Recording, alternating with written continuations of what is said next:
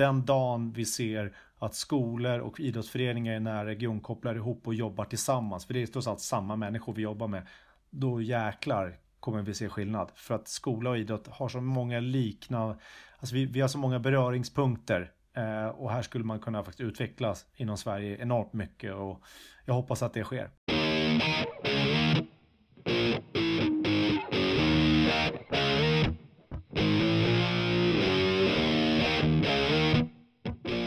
Hej och mycket välkomna till ett nytt avsnitt av Gränslöst lärande. Ett avsnitt där vi åtminstone delvis tar ett kliv utanför skolans värld. Som vanligt är jag Niklas Lind och Peter Hjelm i studion. Varmt välkomna!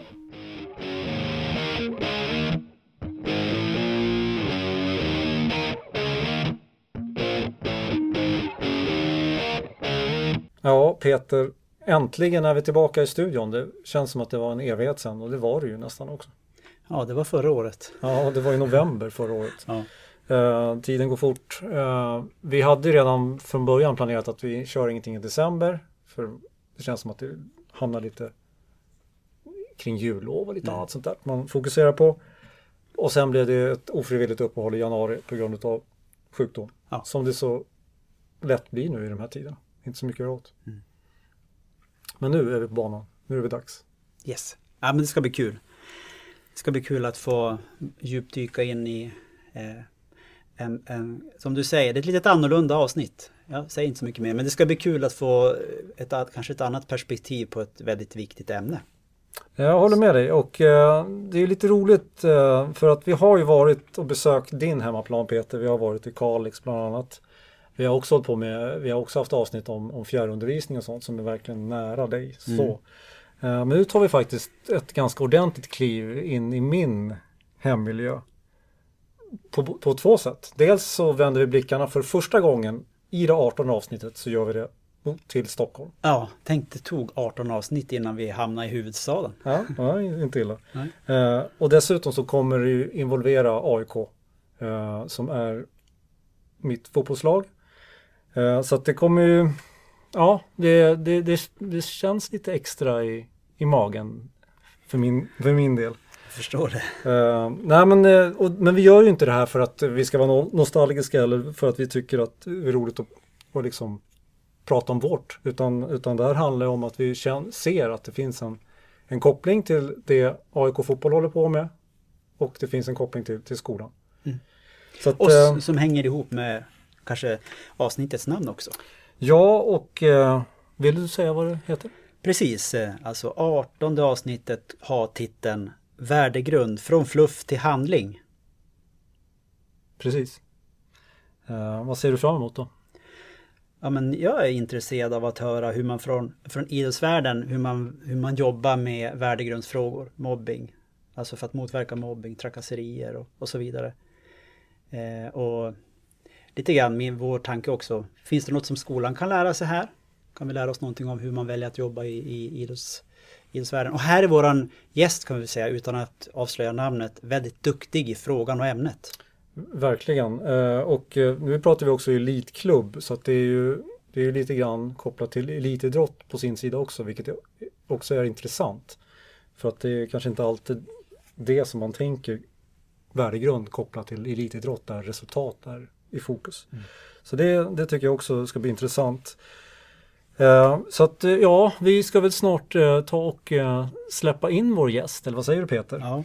Ja. men innan vi gör det så ska vi, som vi alltid brukar göra i våra avsnitt, att sätta, sätta liksom titeln och sätta intervjupersonen i större kontext. Som vi kallar brygga och den kommer här.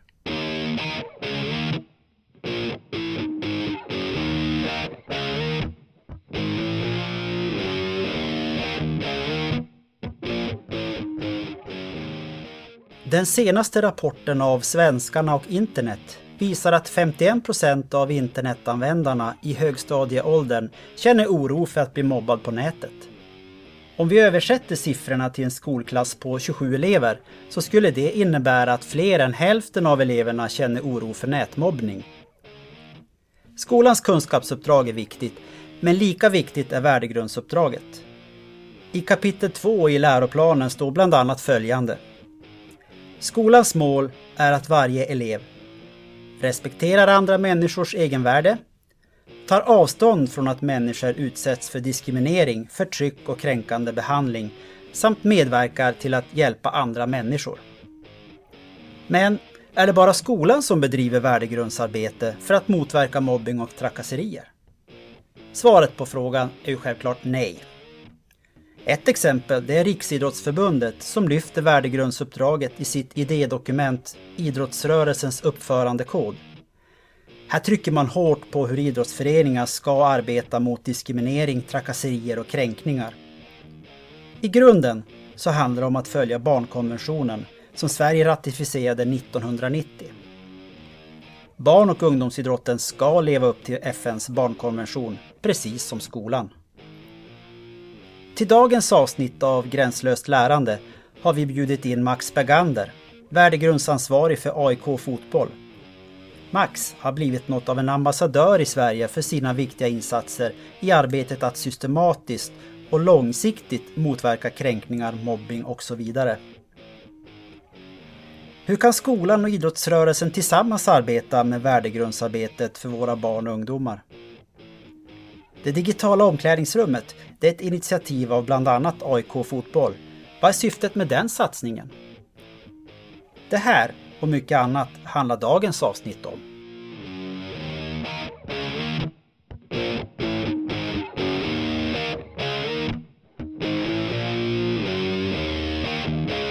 Ja, Peter, då har vi fått in Max Bergander i studion, eh, värdegrundsansvarig för AIK Fotboll. Varmt välkommen!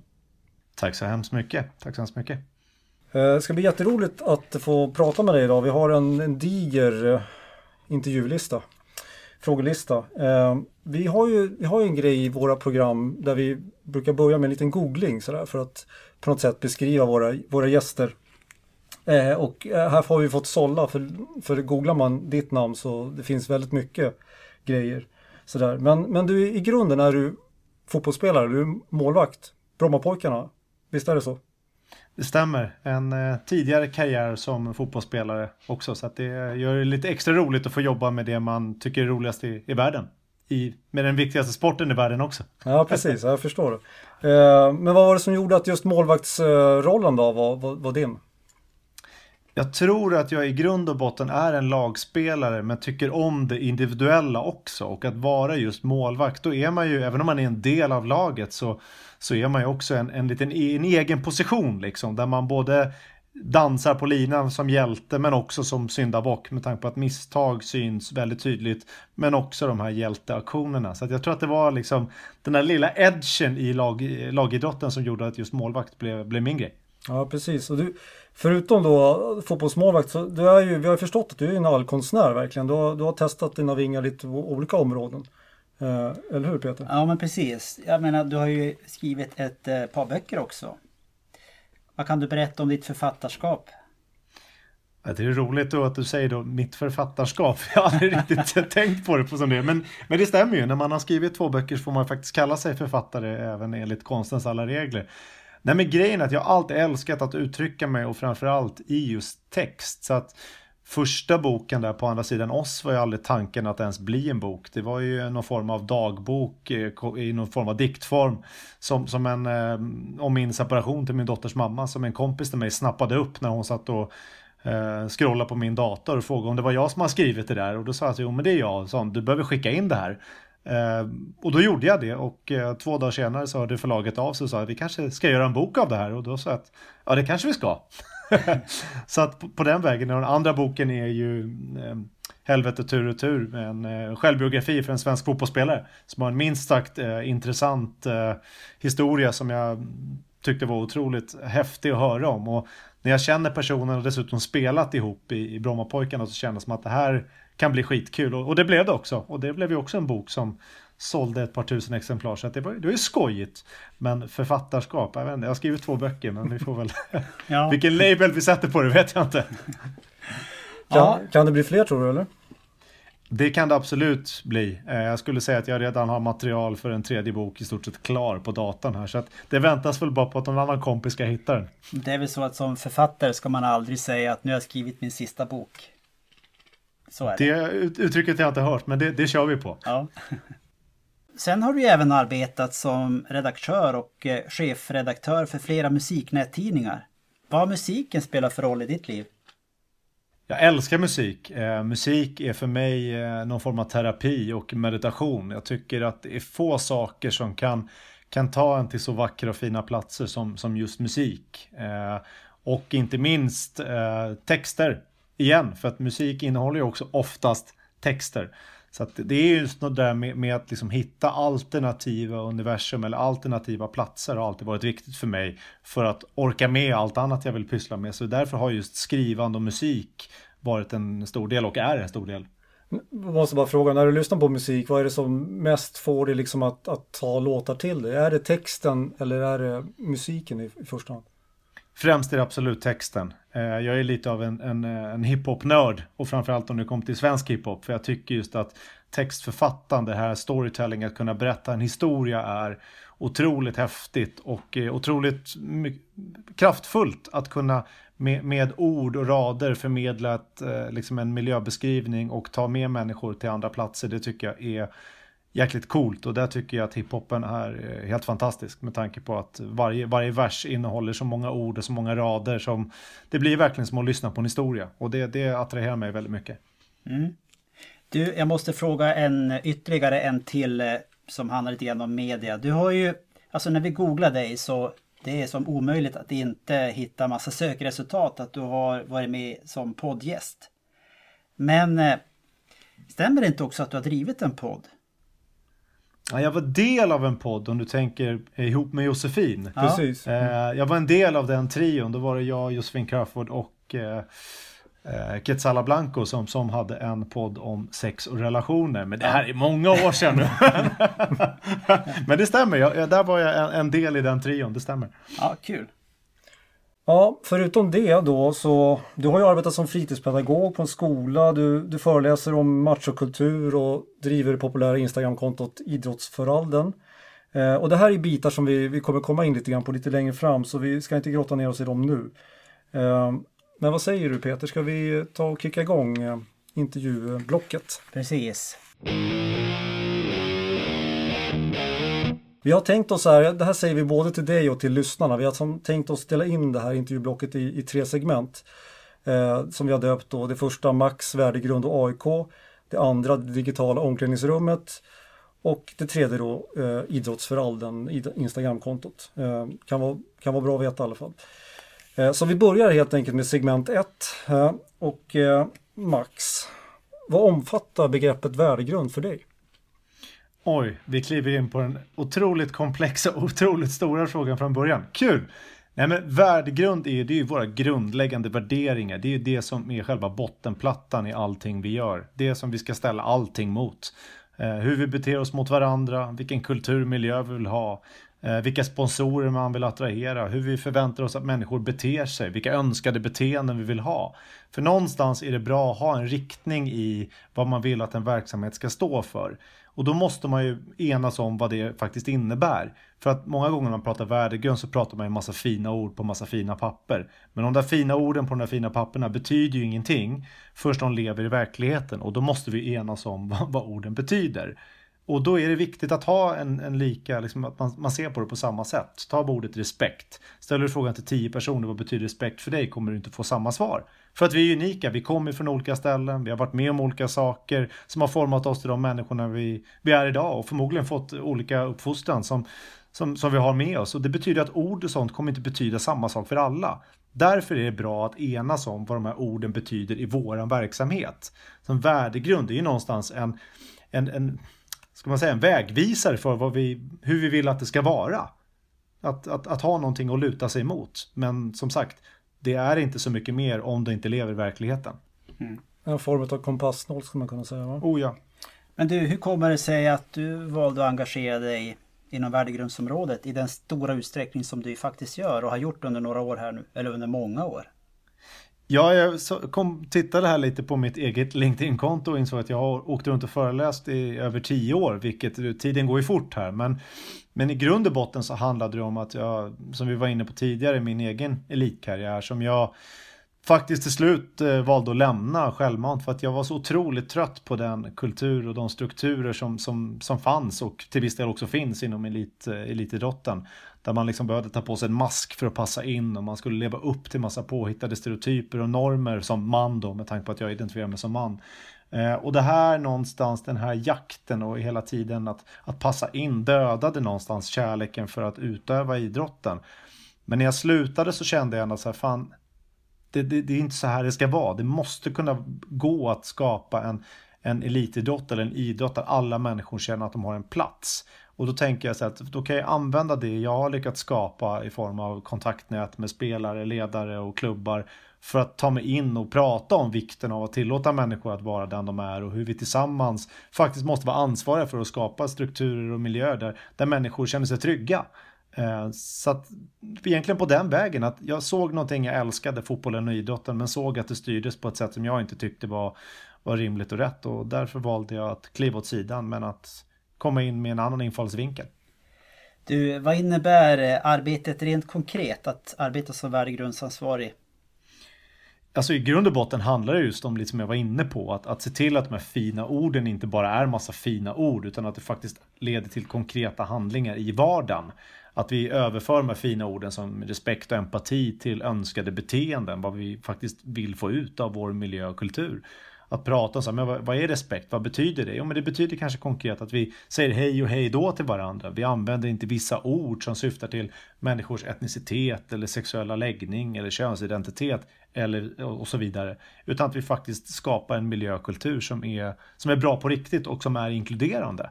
Eh, så att stor del av jobbet handlar ju om att liksom prata beteenden, utbilda ledare, Eh, spelare, föräldrar i hur vi vill att det ska vara. Men också agera eh, när det bryts. För menar, vi är människor, saker händer. Det är väldigt få människor som vaknar på morgonen och gäspar och tänker att idag ska jag gå upp och vara elak. Ibland blir det bara så för att vi är i en kultur och en struktur där vi tror att det förväntar oss saker. Och då är det mitt jobb att, att bromsa det och faktiskt tala om varför det är fel och vad vi kan göra istället. Så mycket handlar om relationerna och mänskliga mötena i vardagen. Jag tänkte på några saker som du sa före vi tryckte på räck här. Eh, vad heter det? Det står ju att du, att du är värdegrundsansvarig för AIK fotboll, men är, eller jobbar för hela AIK? För det, AIK har ju fler sektioner också, eller är det bara fotbollen? AIK är en jättestor klubb med flera, flera ben som du, som du säger. Men, men jag är anställd i, i AIK fotboll och för AIK fotboll. Med det sagt så, så hjälper jag absolut till i de andra, i de andra delarna och regeringarna när, när frågor kommer. För att där är vi ändå en klubb. Men, men det är inom fotbollen jag är verksam främst. Ja, just det. Eh, ja men du har arbetat eh, med det här sedan var det början av 2016 någonstans eh, om jag är rätt ute. Korrekt, i, korrekt. I AIK. Och det känns ju så på något sätt som om du åtminstone om man liksom tittar i media och sådär så är du liksom värdegrundsansiktet utåt i idrottssverige. Hur pass vanligt är det att idrottsföreningar satsar på den här typen av tjänster i sin verksamhet? Jag skulle säga att det är vanligare nu, eh, främst i mindre föreningar som har då värdegrundsansvariga och värdegrundsutbildare. Eh, men när jag började så, så var det i stort sett AIK, för vi i AIK har ju haft det sen i stort sett början på 20-talet har man haft en som är anställd just kring de här frågorna. Men, men, där har man varit väldigt unik och är faktiskt på många sätt fortfarande rätt unik i sättet hur vi jobbar med och hur liksom grund, grundlagt det arbetet är. Eh, men däremot så det jag upplever att man pratar mycket mer om det idag på ett helt annat sätt. Eh, värdegrund är en viktig komponent i alla stora klubbar åtminstone nu och det tycker jag är fantastiskt. Att man faktiskt börjar se att, att jobba med beteenden och mjuka värden eh, inte är någonting rosa lullulliga moln som inte betyder något utan att det faktiskt leder till trygga, trygga människor och då även sportslig framgång. Att vi har kommit dit där, där de här frågorna faktiskt prioriteras. Så att eh, arbetet idag ser helt annorlunda ut än bara för ett par år sedan och det är jag grymt tacksam över att ha fått vara en del och bidra till. För det tror jag att jag har. Tror du att metoo-grejen har haft någon in, positiv, positiv inverkan på det här? Jag tror att metoo-grejen, om man nu ska kalla det för det, uh, har haft en otroligt positiv inverkan på samhället överlag. Uh, för det fina med metoo var att ingen längre kunde säga att det här händer inte där jag är, utan vi insåg att det här är en struktur som finns precis överallt. Eh, jag tror absolut att det ljuset som sattes på en problematik som många av oss har vetat om länge och arbetat eh, för för emot. Men, men eh, jag tror att det satte ljus på att vi behöver bli ännu mer aktiva och ta ännu tydligare ställning. Så att alla typer av, av ljus som sätts på skadliga strukturer och eh, normer är jättebra och det här var en av dem, absolut. Mm. Ja, jag håller med dig. Uh, du sa att, att ni i AIK fortfarande känns ganska unika i hur ni jobbar mer? på vilket sätt är ni unika tycker du? Nej, men bara det faktum att vi har en heltidsanställd värdegrundsansvarig som har det som enda uppgift att utbilda inom beteende och vilka värderingar klubben står för och agera både reaktivt men framförallt förebyggande. Eh, och att det finns en sån tydlig struktur där vi varje år utbildar alla våra 1700 spelare med, i ett värdegrundsarbete där vi har ett utbildningsprogram som, som är unikt från, varje, från fem år upp till dam och herrlag så går igenom en unik utbildning för varje år med olika teman. Så att har du spelat i AIK från knatteskolan upp i seniorlag så har du gått igenom x antal års utbildning kopplat till, till vår värdegrund och utbildningsfilmer som är otroligt bra. Eh, så att jag vågar säga att det, på det sättet vi gör och så grundlagt så vi gör är, är det nog få som kan hävda sig. Och det har jag mött även när jag har föreläst i, på, i, ute i Europa, att det är väldigt många klubbar som, som tittar åt vad AIK gör, eh, med all rätt. Mm. Och nu har ni ju uppmärksammats också. Jag tänker att eh, ni har blivit nominerade till Årets idrottsförening. Ett pris som delas ut av Folkspel och Riksidrottsförbundet. Dina tankar ja, om det? Nej, det, men det, det, är en otrolig stolthet. Eh, och jag blir otroligt stolt över alla människor i AIK som, som, är, som är verksamma. För det här är ju inte ett pris som Alltså det här bygger ju på att vi allihopa tar ansvar. Det är så här, må så vara att jag är ansvarig för att värdegrundsarbetet görs, men jag hade ju inte varit någonting om inte mina fantastiska kollegor och alla ideella föräldrar som ställer upp och gör det här och nästan betalar för att få göra det Eh, hade tyckt att det här var så viktigt att göra. Det här är ju snarare ett bevis på att, att vi inom AIK eh, gör någonting ihop tillsammans som faktiskt syns och är bra. Så att det är otroligt stolt. Otroligt stolt. Eh, AIKs akademi har ju en del eh, samarbete med olika skolor sådär just för att de, spelarna ska liksom få ihop både skola och elitsatsning och, och så. Men samarbetar ni också på något sätt kring värdegrundsrelaterade frågor med dem eller hur funkar det? Absolut, alltså på de skolorna som, som vi är aktiva som både gymnasie och eh, hög och eh, mellanstadiet så, så, är det så att vi har ledare, tränare som, som jobbar som mentorer. Och deras roll är ju just att, att binda samman klubben och, och, och, skolan. Så att, att vi, vi, jobbar ju absolut med, med AIK-stilen som vår värdegrund heter, även i skolmiljön. Eh, för det är ju det så här att ska vi jobba med människor och få möjlighet att jobba med dem både i skolan, som är väldigt många timmar om dagen, och sen deras fritidstimmar som är hos oss då på, på kvällar och eftermiddag, så, så får vi en otrolig helhet. Att inte göra det när man har chansen blir ju lite som att städa ett rum i en lägenhet, att det rummet är skitrent tills man börjar gå in från det andra för då drar man med sig skiten in. Här får vi en möjlighet att faktiskt ta ett så stort ansvar som vi kan för de här människornas eh, liv eh, ganska många timmar om dygnet. Och det är vårt största, vår största uppgift inom idrotten tycker jag. Det är att fostra trygga och sunda människor som kan bli en del av att ta det här samhället framåt. Alla blir inte fotbollsproffs men alla ska bli skattebetalare brukar jag säga och garva.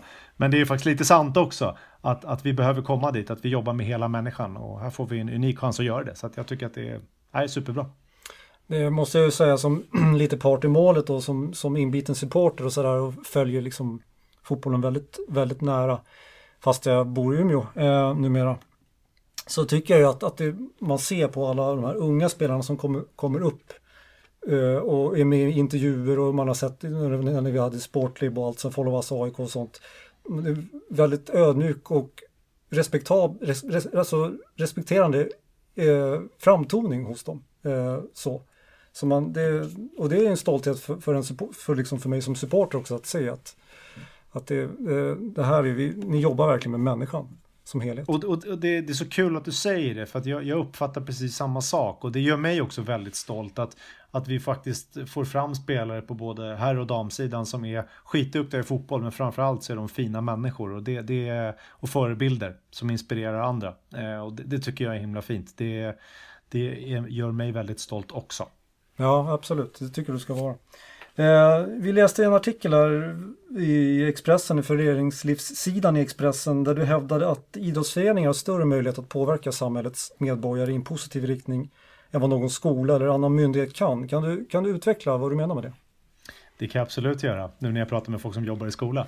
Eh, nej, nej, men det jag menar är att, att skolan har en otroligt viktig funktion på så sätt att vi, vi lär ungarna väldigt mycket saker. Men samtidigt så är det så att handen upp alla ungar som tycker att det är skitkul att gå till skolan. Man kanske inte lyssnar på allting. Jag var absolut en av de som inte gjorde det. Men inom idrotten så har vi ju, de flesta som är hos oss, hoppas jag, är ju därför att de verkligen vill. Vilket ger oss en unik möjlighet att inte bara lära dem sparka på en boll eller skjuta på en puck eller göra schyssta snurrar i luften när vi åker skridskor. Utan vi kan också ge dem verktyg för att de ska funka i grupp och som människor. Precis som man gör i skolan. Men skillnaden är att här har de valt att vara. Och många av dem när en dröm om att lyckas med sin idrott. Vilket ger oss en möjlighet att faktiskt påverka dem och tala om för att för att du ska nå dit så behöver du också göra det här. Det är lite så jag menar att enkelt förklarat, för det här skulle vi kunna ha ett eget poddavsnitt om. Eh, men jag ser ju verkligen, precis som jag var inne på eh, tidigare här, vinsten av när föreningsliv, idrottsförening och skola jobbar ihop. Jag tror att den dagen vi ser att skolor och idrottsföreningar i nära region kopplar ihop och jobbar tillsammans, för det är trots allt samma människor vi jobbar med, då jäklar kommer vi se skillnad. För att skola och idrott har så många liknande, alltså vi, vi har så många beröringspunkter Eh, och här skulle man kunna faktiskt utvecklas inom Sverige enormt mycket och jag hoppas att det sker. Mm. Mm, ja, det hoppas jag också. Eh, du, det finns något som heter eh, AIK-stilen. Som du var inne på alldeles ja. nyss. Yes. Kan du konkretisera vad AIK-stilen innebär? Du vill att jag ska konkretisera alla våra fem ledstjärnor i vår värdegrund? Du, ja, du, får 30 sekunder på dig. ja, men då så får jag klar på 23. Nej, men skämt åsido, alltså, AIK-stilen är ju vår värdegrund och det är ju våra liksom, ledstjärnor i allt vi gör. Ska man konkretisera den ska man säga att den handlar om inkludering.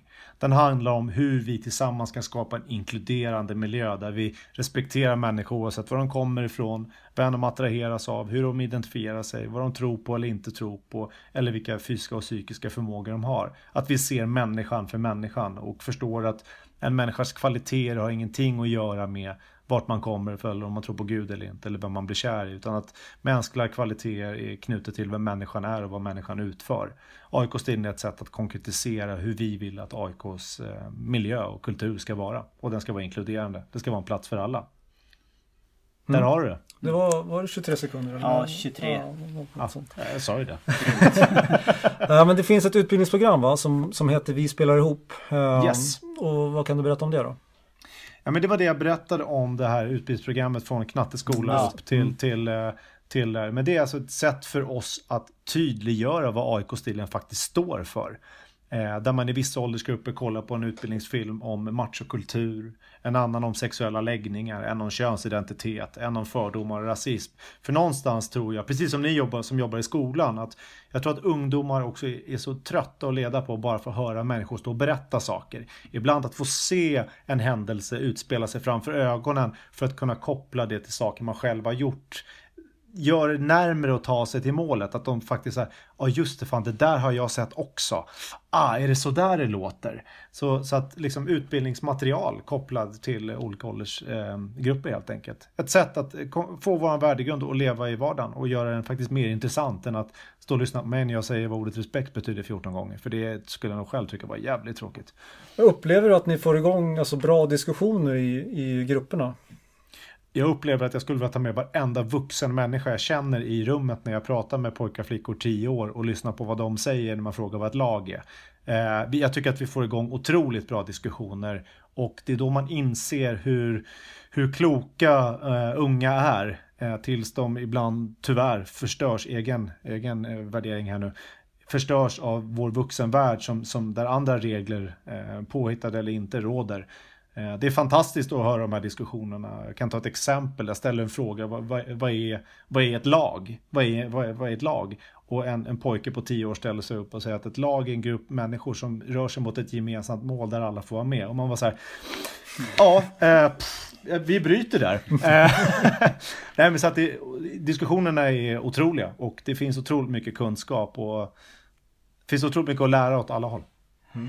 Men du, om, om det uppstår en situation som, som bryter mot era värdegrundsprinciper, alltså hur agerar ni då? Det är lite olika självklart beroende på vad som har hänt. Eh, varje fall är ju unikt för att unika, alltså individer är unika. Men, men vi tror på, på förbättring, vi tror på kunskap, vi tror på utbildning. Det sker ju alltid en form av, av träff där vi pratar med de inblandade om vad som har hänt. Ibland separat först och ibland tillsammans allihopa med vårdnadshavare. Men det vi gör är att vi alltid förklarar vad det var som var fel och varför det var fel. Utifrån våra värderingar men också utifrån ett samhällsperspektiv. För att, att bara säga att nu har, du, nu har du fuckat upp här, nu har du gjort det här och nu, nu blir det illa här. Då kommer ju personen inte lära sig. Oavsett vad vi väljer att ge den här människan för konsekvens, inte straff utan konsekvens, så måste människan få en chans att förstå varför den har gjort fel. Vi tror på att ge människor chansen. Så att det följs alltid av ett, av ett samtal. Sen finns det olika steg. Det kan vara samtal med kurator eller barnpsykolog. Eh, det kan vara att det är så pass allvarligt så att andra myndigheter behöver kopplas in. Men det man kan generellt säga är att, att vi tror på, på samtalet och vi tror på, på mänsklig utveckling. Att vårt mål är alltid att ge människor en chans till om de är beredda att jobba för det. Så kan man säga rent, rent eh, liksom, om vi inte ska gå in i liksom specifika fall. Nej, mm. så, så, så, är, så är det där någonstans vi landar. För att varje fall blir så unikt. Men, men samtal är en viktig form, absolut. Mm. Vad tror du skolan ska kunna lära sig av ert sätt att arbeta med de här värdegrundsrelaterade frågorna? Jag tror att man ska fokusera, och det gäller liksom hos oss som på alla platser, jag tror att man ska fokusera mer på vilken miljö man vill ha snarare än vad man inte vill ha. Det jag ser generellt när man kollar både skola och företag och, många föreningar är att man skriver att vi ska inte, det här är inte tillåtet, det här är fel, fel, fel. Jag tror på en bra take är att, att så här, vad är det vi vill ha då? Vi vill att människor gör så här. Vi vill att vi gör det där. Jag tror att tydligheten är vad vi vill få ut av varandra. Tydligheten i hur vi vill att det ska funka i ett klassrum. Tydligheten hur vi vill att det ska funka på skolan generellt. Och ge konkreta exempel. Det, det, tror jag är en otroligt eh, viktig del som jag tror att vi allihopa kan lära oss av varandra. Men hur vi blir, hur vi snarare pratar om vad vi vill ha snarare än vad vi inte vill ha. För min uppfattning är att vi i Sverige är väldigt duktiga på att tala om vad vi inte vill ha. Men när vi pratar om vad vi vill ha så ger vi också alternativ. Och ett, kanske till och med en konkret action. Det, det, det tycker jag är ett fotspår att trampa i för, för väldigt många.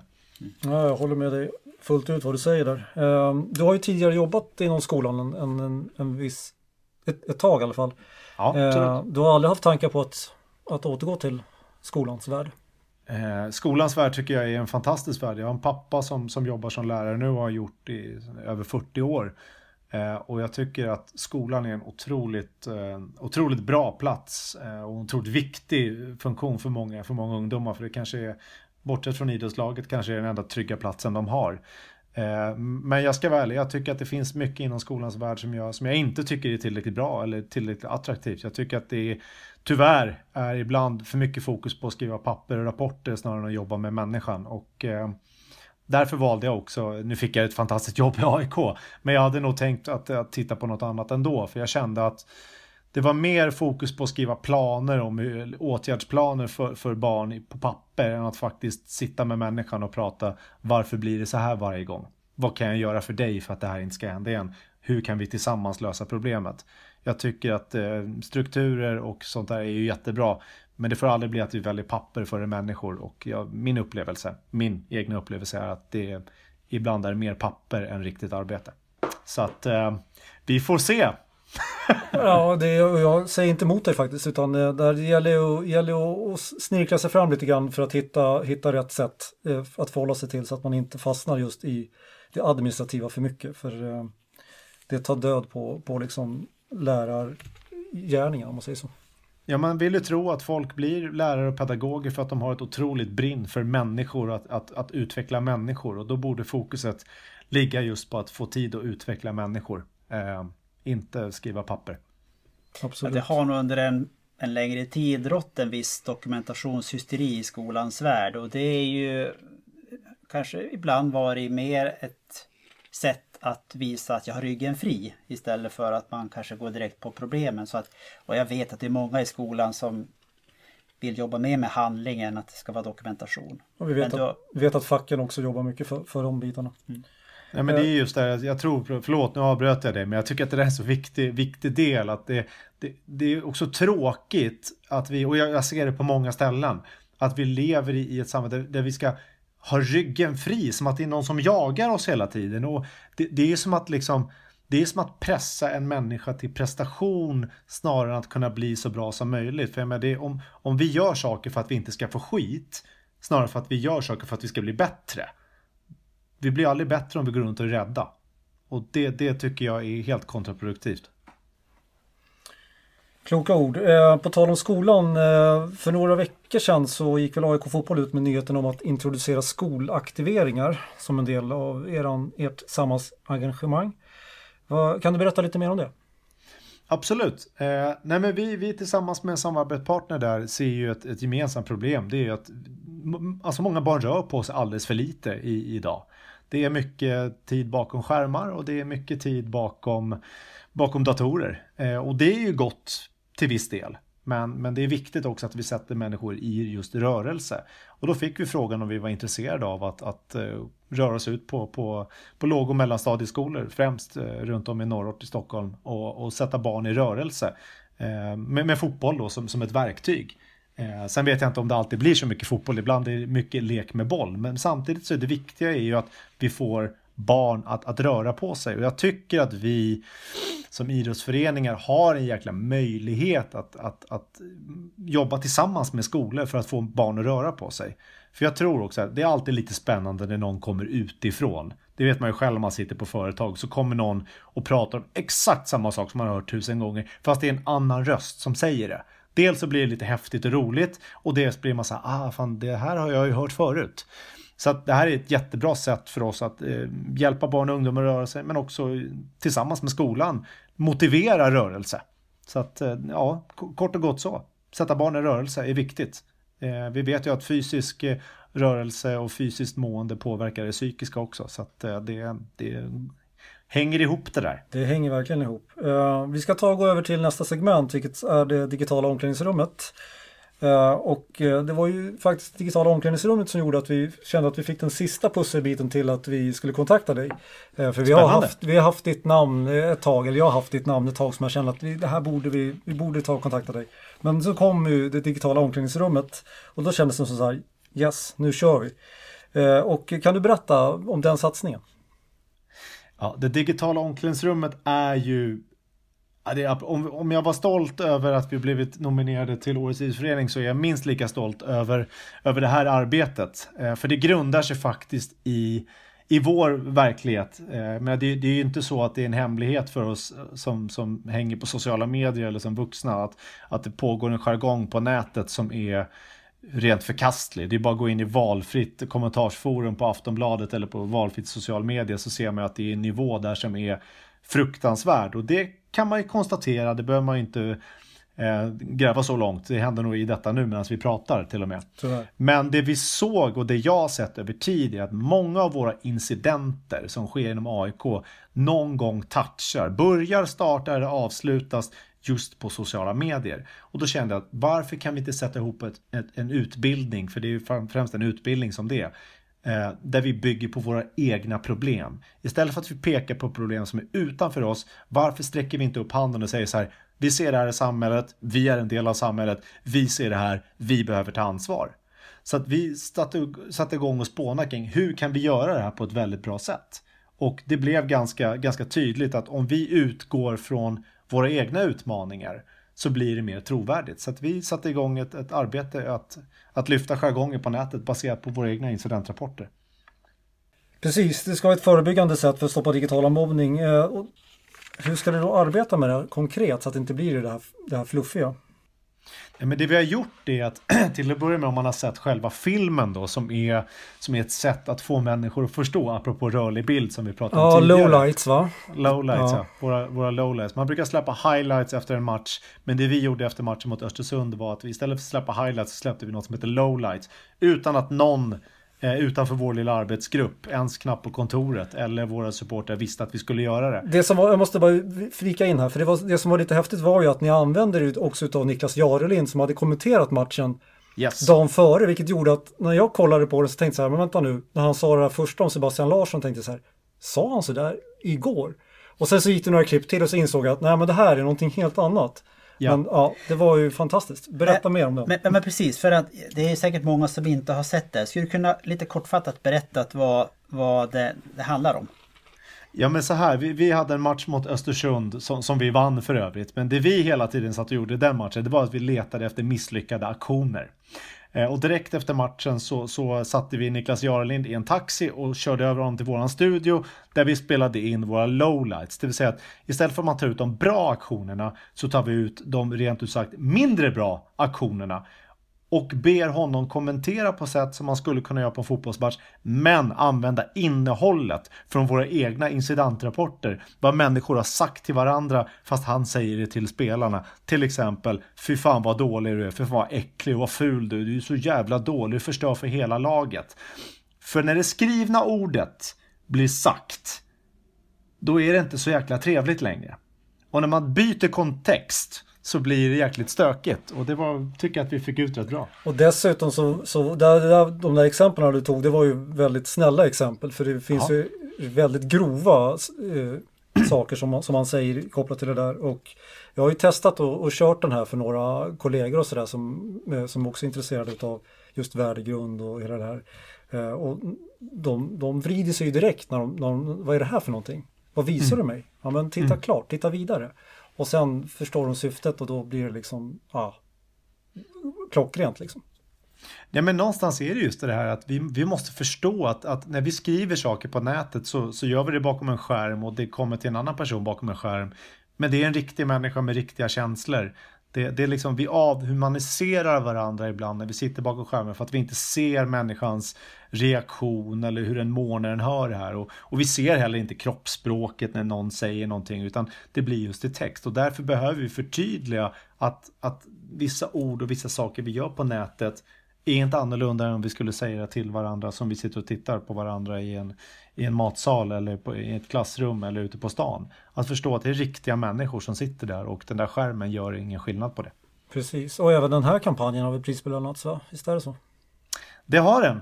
Eh, den slog ju Fan, det låter som att jag bara sitter och namedroppar alla grejer vi är bra här. Men, men så här, den, den, har ju slagit internationellt och kom med i tidningen Kicker i Tyskland, vilket jag tycker är skithäftigt. Och den har visats i, i Asien och USA och England. Eh, och fått massa priser i, eh, i bland annat Resumé för ja, content och allt vad alla de här flashiga orden som jag inte ens kan. Eh, men den har blivit uppmärksammad över att den är ett otroligt bra sätt att sätta fingret på någonting vi allihopa vet existerar. Men skillnaden är här som jag tycker är jävligt bra. Det är att vi utgår från oss själva och säger så här. Vi har det här problemet. Vi tänker göra så här. Precis, och vidare då. Vi pratar om det här med att, eh, hur, ni hur ni ska konkretisera det här och inte bara bli fluffigt. Eh, ni har ju satt igång arbetet internt har jag förstått. Eh, yes. Vad kan du berätta om processen hittills? Ja, men det jag kan berätta är att vi har tagit in våra, våra ungdomslag, delar av dem. Vi kommer fortsätta nu under 2022. Eh, nu när pandemin har släppt, hoppas vi, peppar peppar, så får vi kanske träffa ännu fler. Eh, men det vi har gjort är att vi, vi har tagit in lagen och så har vi spelat upp den här filmen. Och så har vi liksom haft diskussionen utifrån den med riktade liksom frågor så här. Hur är jargongen på nätet? Vad har ni själva sett? Hur upplever ni att det är? Hur, hur ser verkligheten ut där? Och vad händer egentligen på nätet när man postar något? Vem äger materialet? Vi har haft en liksom lång snarare workshop än utbildning. För att jag tror ju som sagt på dialog och jag tror att vi tillsammans med ungdomar kan, kan komma jäkligt långt. Så att det vi har gjort är att vi har diskuterat helt enkelt. Hur ser verkligheten ut och vad behöver vi tillsammans göra för att förändra den? Eh, och, och, det fina just med de här diskussionerna är ju insikterna som kommer från många med ungdomarna. Till exempel bara att jag har aldrig reflekterat över att mitt skämt kanske inte tar som ett skämt. För de ser ju faktiskt inte mig. Och var någon som sa att shit, tänk om den där personen tog det där på allvar. Jag måste nog ringa upp och, och be om ursäkt eller kolla hur det... Alltså det, för det handlar ju inte om att så här, säga att det är fel, fel, fel. Det handlar om att få människor att börja tänka Precis, och reflektera. börja reflektera, exakt. Yes, mm. och det, det, det har varit väldigt tydligt att vi har fått ungdomarna att reflektera. Och nu har vi förstått att ni sträcker ut er hand mot eh, skolor. Ni vill finna samarbeten. Ja, men jag tänker ju att precis som vi har pratat om tidigare, att kan vi vara med och bidra till att, att den här frågan lyfts även på skolor. För det är igen, det är samma människor. Det är liksom så här, det, det är våra kids i AIK går på era skolor. Det är liksom, det är ju samma människor. Det är ju, de rör sig ju bara mellan olika kontexter. Det är ju naivt att tro att om de gör på ett sätt på ett ställe så stannar det där. Det är klart att det följer med till viss del i andra. Apropå städa vissa delar av lägenheten. Så att kan vi hitta sätt där vi i skolor samarbetar för att lyfta den här problematiken och kanske ta del av det som vi har snappat upp eh, så tror jag att det finns en jättevinst i det. Så att eh, som skola, är man intresserad av att lyssna vidare så, så, så min mail finns någonstans. du, då måste jag bara få ett litet förtydligande. Är det här någonting som eh, rör geografiskt Stockholmsregionen eller tänker vi rent nationellt? Jag kan nog säga att jag har nog inte tänkt så jävla långt. Så här, men skulle det komma skolor som är intresserade som är utanför Stockholm, kanske till och med exempel Umeå, så kan det absolut finnas möjligheter att vi tillsammans kan hitta ett sätt att attackera den här frågan tillsammans. Ja, det här är viktigare än klubbfärg och klubbtillhörighet och geografiskt område. Det är, när det kommer till sådana här frågor så, så, tävlar vi inte på något sätt. Då är det liksom ett lag och det är laget Sverige och det är samma människor. Oavsett ålder också eller tänker ni någon specifik ålder på det här?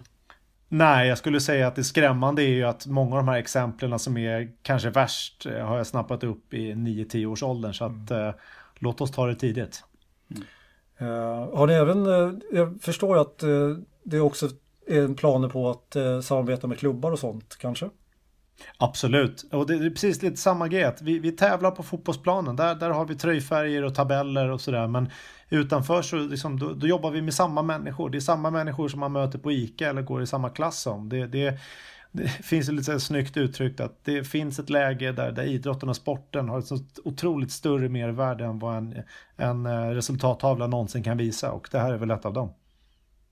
Har ni, alltså, har ni påbörjat det arbetet att försöka hitta samarbeten med skolor och eh, klubbar eller liksom var ligger ni i fas? Eller ligger, Nå, ligger någonstans, nej men någonstans skulle jag säga att jag, jag gillar att man gör först och snackar sen.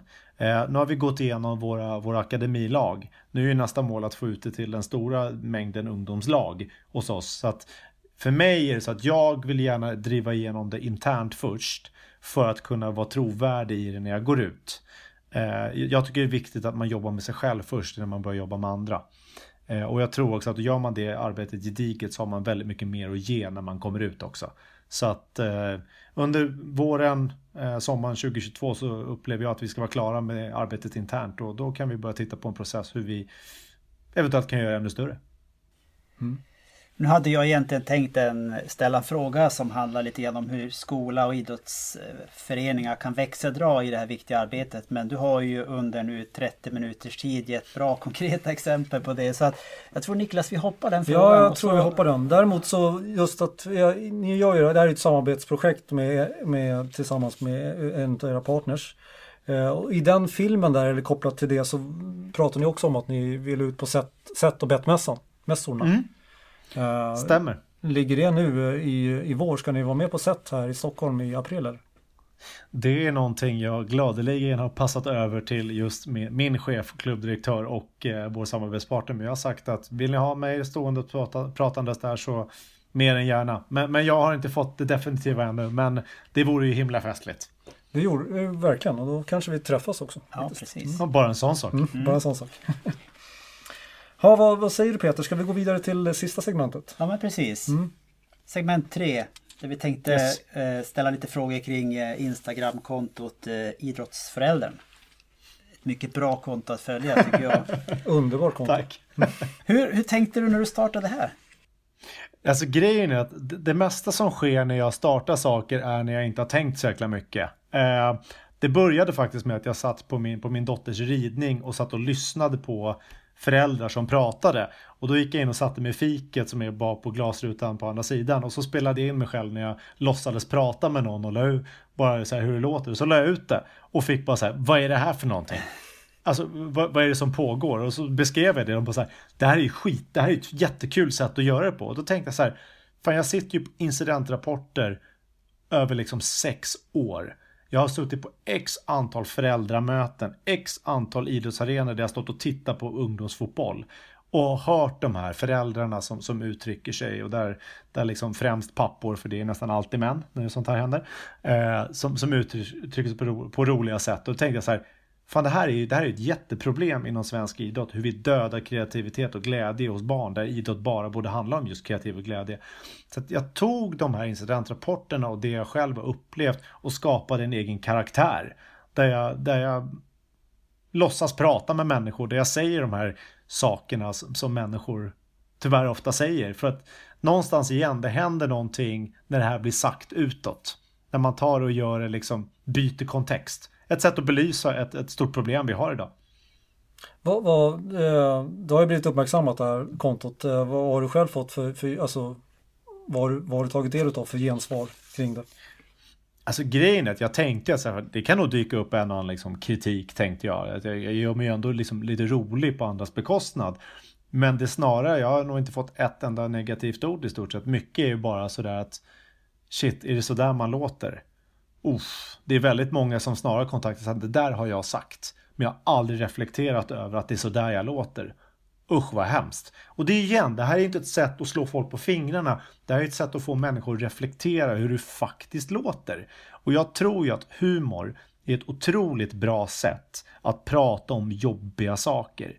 Alltså det är inte för inte till exempel stand-up comedy-scenen är skitstor i, i länder där, där det råder krig och misär. För att det är ett sätt att ta sig ur jobbiga saker. Ja, avväpnande på något sätt.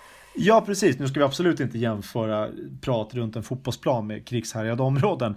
Men det är ett bra sätt att attackera en problematik som ofta är svår för att det handlar om människors föräldraskap och sätt att agera gentemot sina barn och det är ju väldigt känsligt. För en förälder ska ju aldrig lära en annan förälder hur man uppfostrar ett barn. Men om man däremot gör det med humor och inte pekar på någon utan låter människor själva reflektera, jag tror att reflektera är ordet, eh, över hur det kan låta så tror jag att vi kan, kan komma någonstans. Och det är väl det som är syftet med, med kontot, att sätta fingret på ett problem som vi har men göra det på ett kul sätt.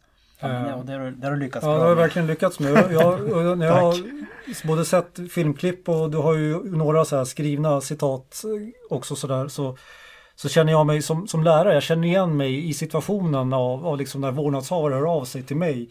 Då, mm. Och då handlar det om skolsaker. Och, och, en sak som jag tänkte bara ta den här, jag läser upp en, ett inlägg som du har skrivit.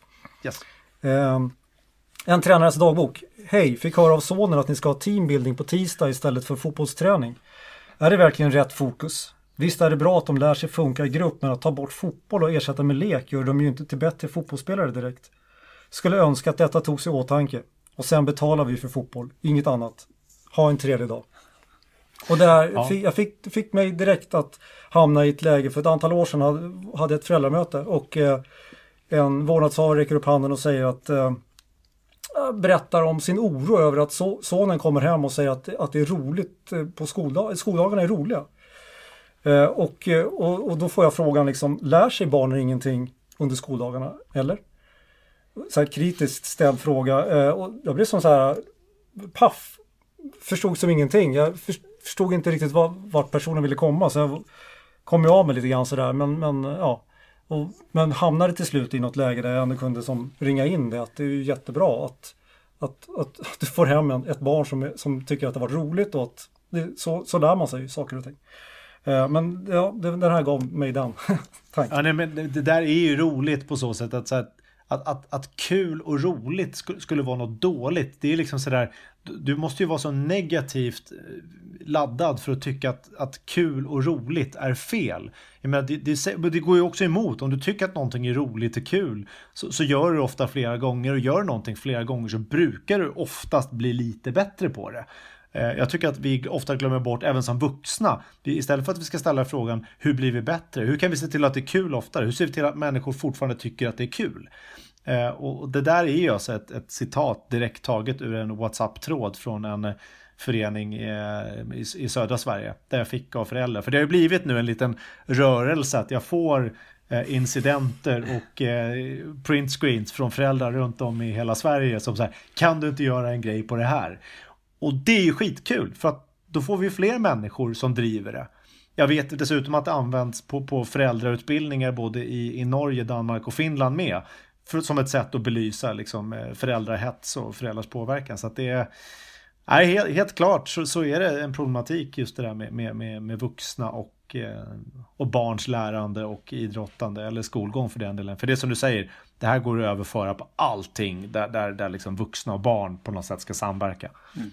Ja, och, och också just det här, det här, lust, alltså det här lustfyllda lärandet som, som diskuteras, att det, att det är som är lite grann av en het potatis är också väldigt intressant. Alltså, inte från, från barnens sida men, men just ifrån föräldraperspektivet och sådär så blir det ofta sådär men, men kul, det ska inte vara kul utan det ska man ska lära sig saker och sådär. Jag jobbar ju ganska mycket med gamification och spelifieringar och sånt i, i undervisningen och eh, där kan man också hamna i lägen där man först måste börja försvara den arbetsmetoden. Liksom, att det här är inte frams och trams utan sådär, utan det, det, det är inte intressant eller beklämmande på, på ett sätt att att just bara för att någonting är roligt att det då ska ses som inte lika seriöst.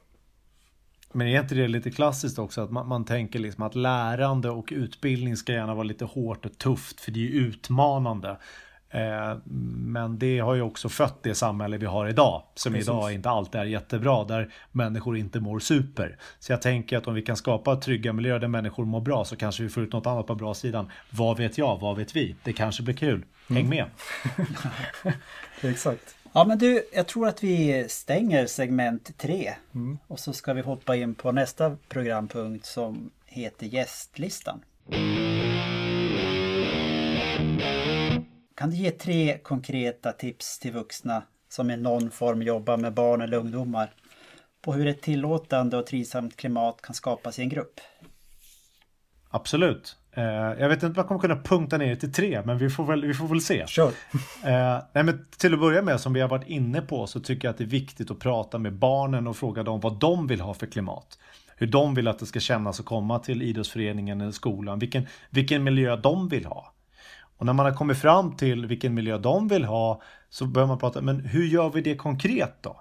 Vad behöver vi göra rent konkret för att det ska kännas så?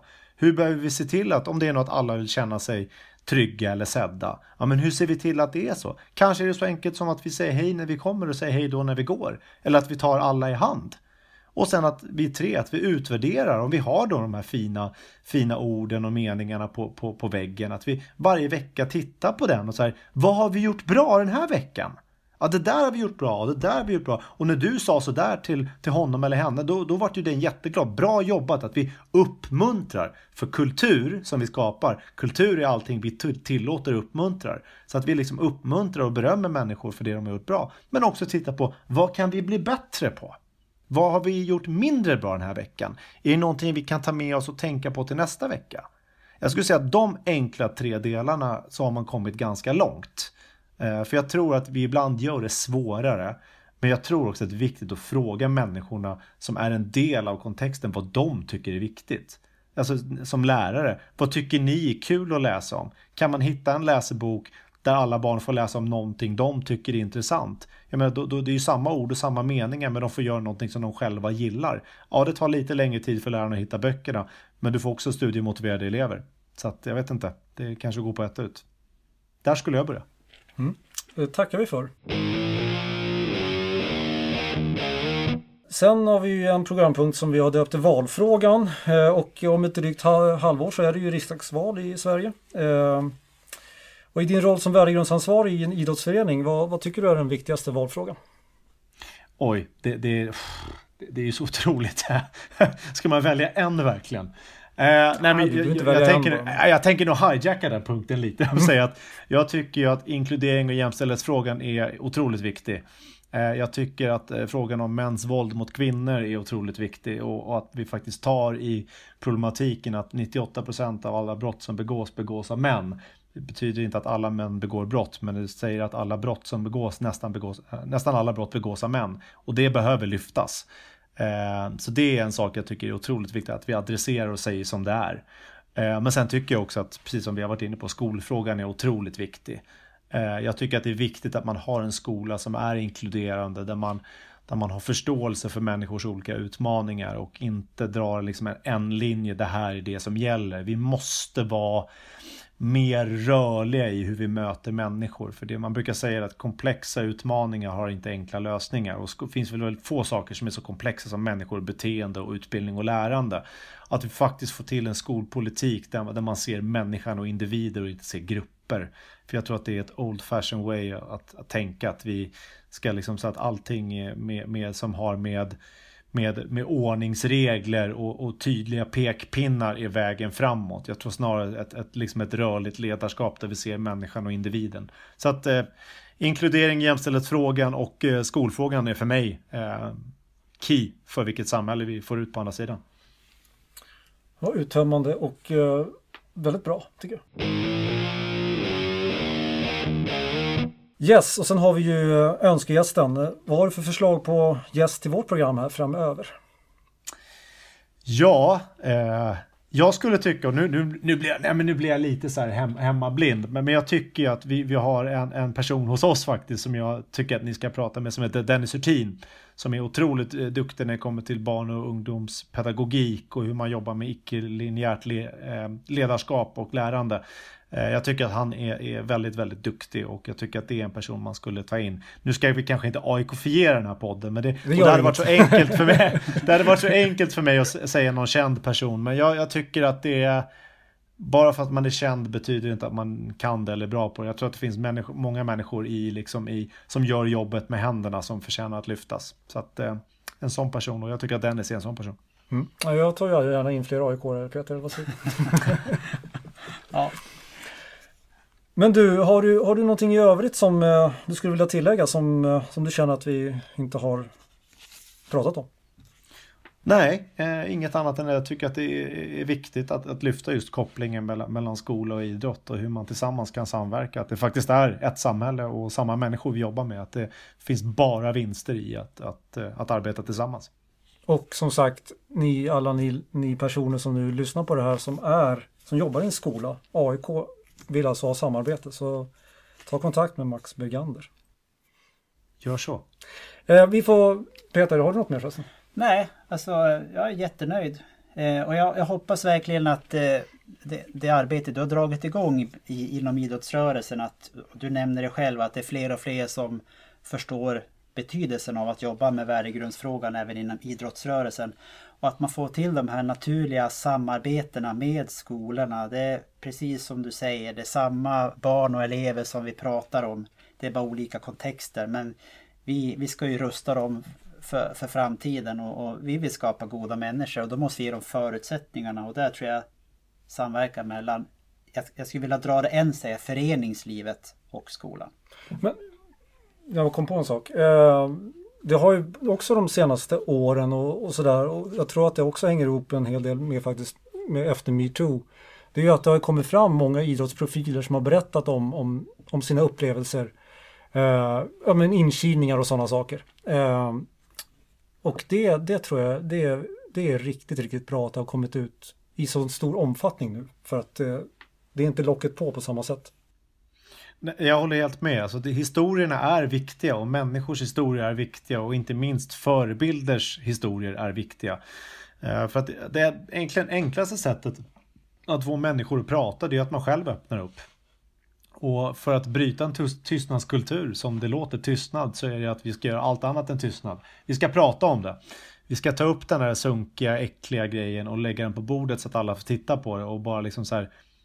Så här vill vi inte ha det. Och det är först då vi kan, kan, kan liksom göra en skillnad och det hänger ihop med mycket av det vi har pratat om. Att om vi inte pratar om saker vad de egentligen är så kommer vi aldrig kunna komma fram till en lösning för då, då blir det att, att skrapa på, på, på, på ytan. Det vi behöver ta reda på är varför det sker och sen jobba där. Annars blir det som att ge en huvudvärkstablett till någon som har ont i huvudet ofta istället för att ta reda på varför den har huvudvärk. Vi måste gå till grunden, till källan.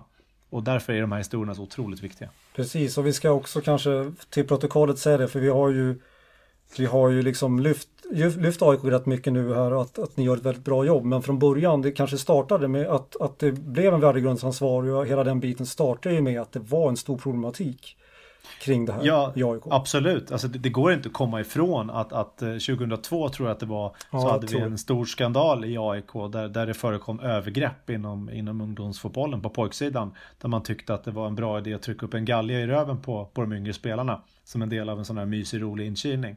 Och där någonstans så förstod klubben att det räcker inte att ha massa fina papper. Vi behöver uh, liksom arbeta med det här hands-on.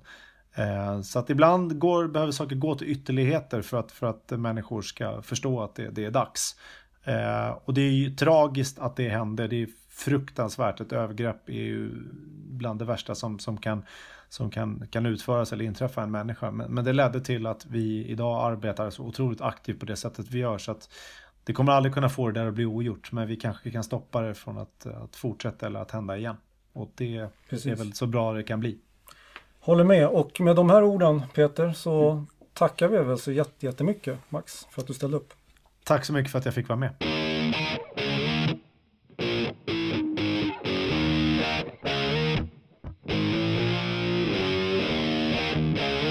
Ja Peter, då är vi återigen ensamma i studion efter en väldigt eh, berikande intervju, tycker jag. Mm. Eh, vad säger du själv? Ja. Vad, vad, vad tar du med dig så här spontant efteråt? Ja, men eh, jag tog, Det fanns ganska mycket. Det fanns mycket, precis. Men eh, jag reflekterade själv över min egen lärargärning. Jag har ju jobbat inom grundskolans, eh, framförallt på mellanstadiet och jobbat som lärare i 14 år. Och eh, det är ändå rätt lätt att du, alltså skolan har ju både ett kunskapsuppdrag och ett värdegrundsuppdrag, men det medvetet omedvetet, men det blir ändå ganska lätt att man lägger ett större fokus på kunskapsuppdraget. Eh, det handlar egentligen inte om att eh, värdegrundsarbetet är en separat sak som man gör vid ett specifikt tillfälle och så gör man det en gång varje år. Utan det gäller att du får in det här värdegrundsarbetet. Det ska ju genomsyra din dagliga verksamhet tillsammans med eleverna. Och så tänkte jag på hur Max Bagander, hur han har jobbat som värdegrundsansvarig i, i fotbollsföreningen i AIK. Eh, jag tycker att våran titel från fluff till handling, alltså hur får man det där fluffet att faktiskt bli en handling? Att värdegrund är någonting som är som en röd tråd som går genom eh, en verksamhet eller genom en skola. Eh, så jag tyckte det var intressant hur de jobbade med det han sa från knatten upp till senioren. Man involverade även tränarna och vårdnadshavarna i det här arbetet och hade under några år här nu jobbat med lite olika teman. Men att alla gick igenom det här och det var någonting som man, man duschades i. Eh, ja, stegvis. Stegvis, från, från precis. Var, år, ja, precis. Men sen att man eh, satte ord och, och, och gav en, alltså en betydelse för, ja men när vi säger respekt, vad menar vi då? Att man, I alltså, den här kontexten. I den här kontexten, precis. precis. Mm. Eh, just för att det ska kunna bli någonting som alla förstår, så att man pratar samma språk. Ja, precis. Så då, då vet man vad det betyder i, när, vi, när jag är här så vet jag vad det betyder på det sättet. Ja. Men också att det kan man ju bära med sig naturligtvis i andra sammanhang mm. sen. Så att jag, jag fick som en liten flashback till min egen lärargärning och kan väl ibland känna att ja men ibland glömde jag bort det där värdegrundsuppdraget. Ja, och det, det är en sån här, sån här sak som jag är lite så kritisk till när, när man har temadagar. Jag, tycker, jag gillar temadagar på många sätt och vis. Men ibland när man till exempel har en värdegrundsdag som en temadag så blir det lätt att nu ska vi lägga fokus på det här, på värdegrund.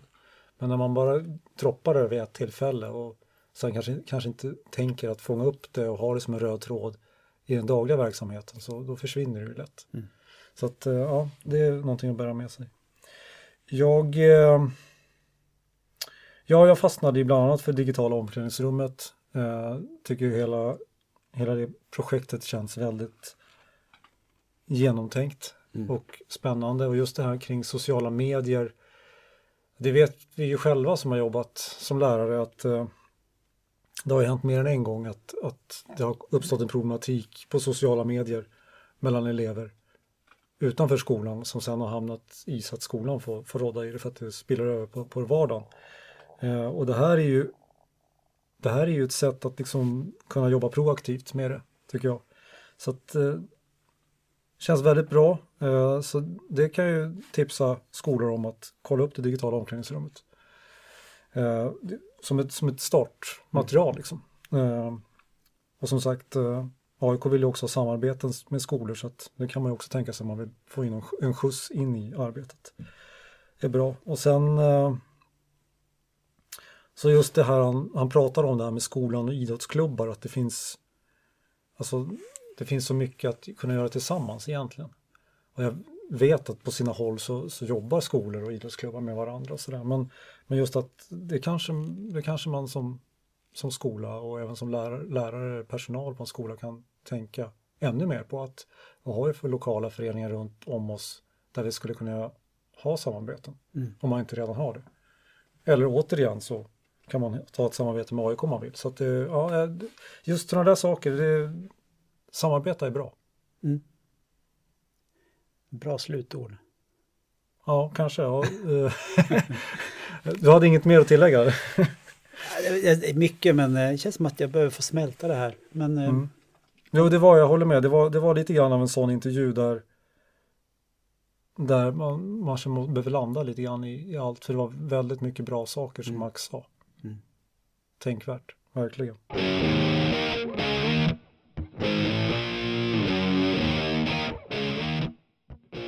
Ja, men vi kanske ska sätta punkt där.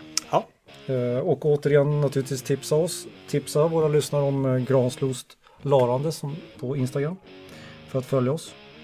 Eh, och vi hoppas nu, vi håller alla tummar och tår att vi kan komma ut nu eh, i mars och sen i april och sen i maj ja, innan vi stänger butiken för, för säsongen. Eh, men vi kan inte garantera någonting. Men ambitionen är det i alla fall. precis. Och sen kan vi väl så här till Max säga att eh, är han på sätt då, då kommer vi att söka upp honom. Ja, absolut. Eller hur? Och även andra som vi har haft. Ja, precis. Andra av våra gäster som Mm. har kanske tur kanske vi kan ses. Exakt, vore trevligt. Mm. Med dessa ord så säger vi hej då för den här gången. På Hejdå. återhörande. Hej då.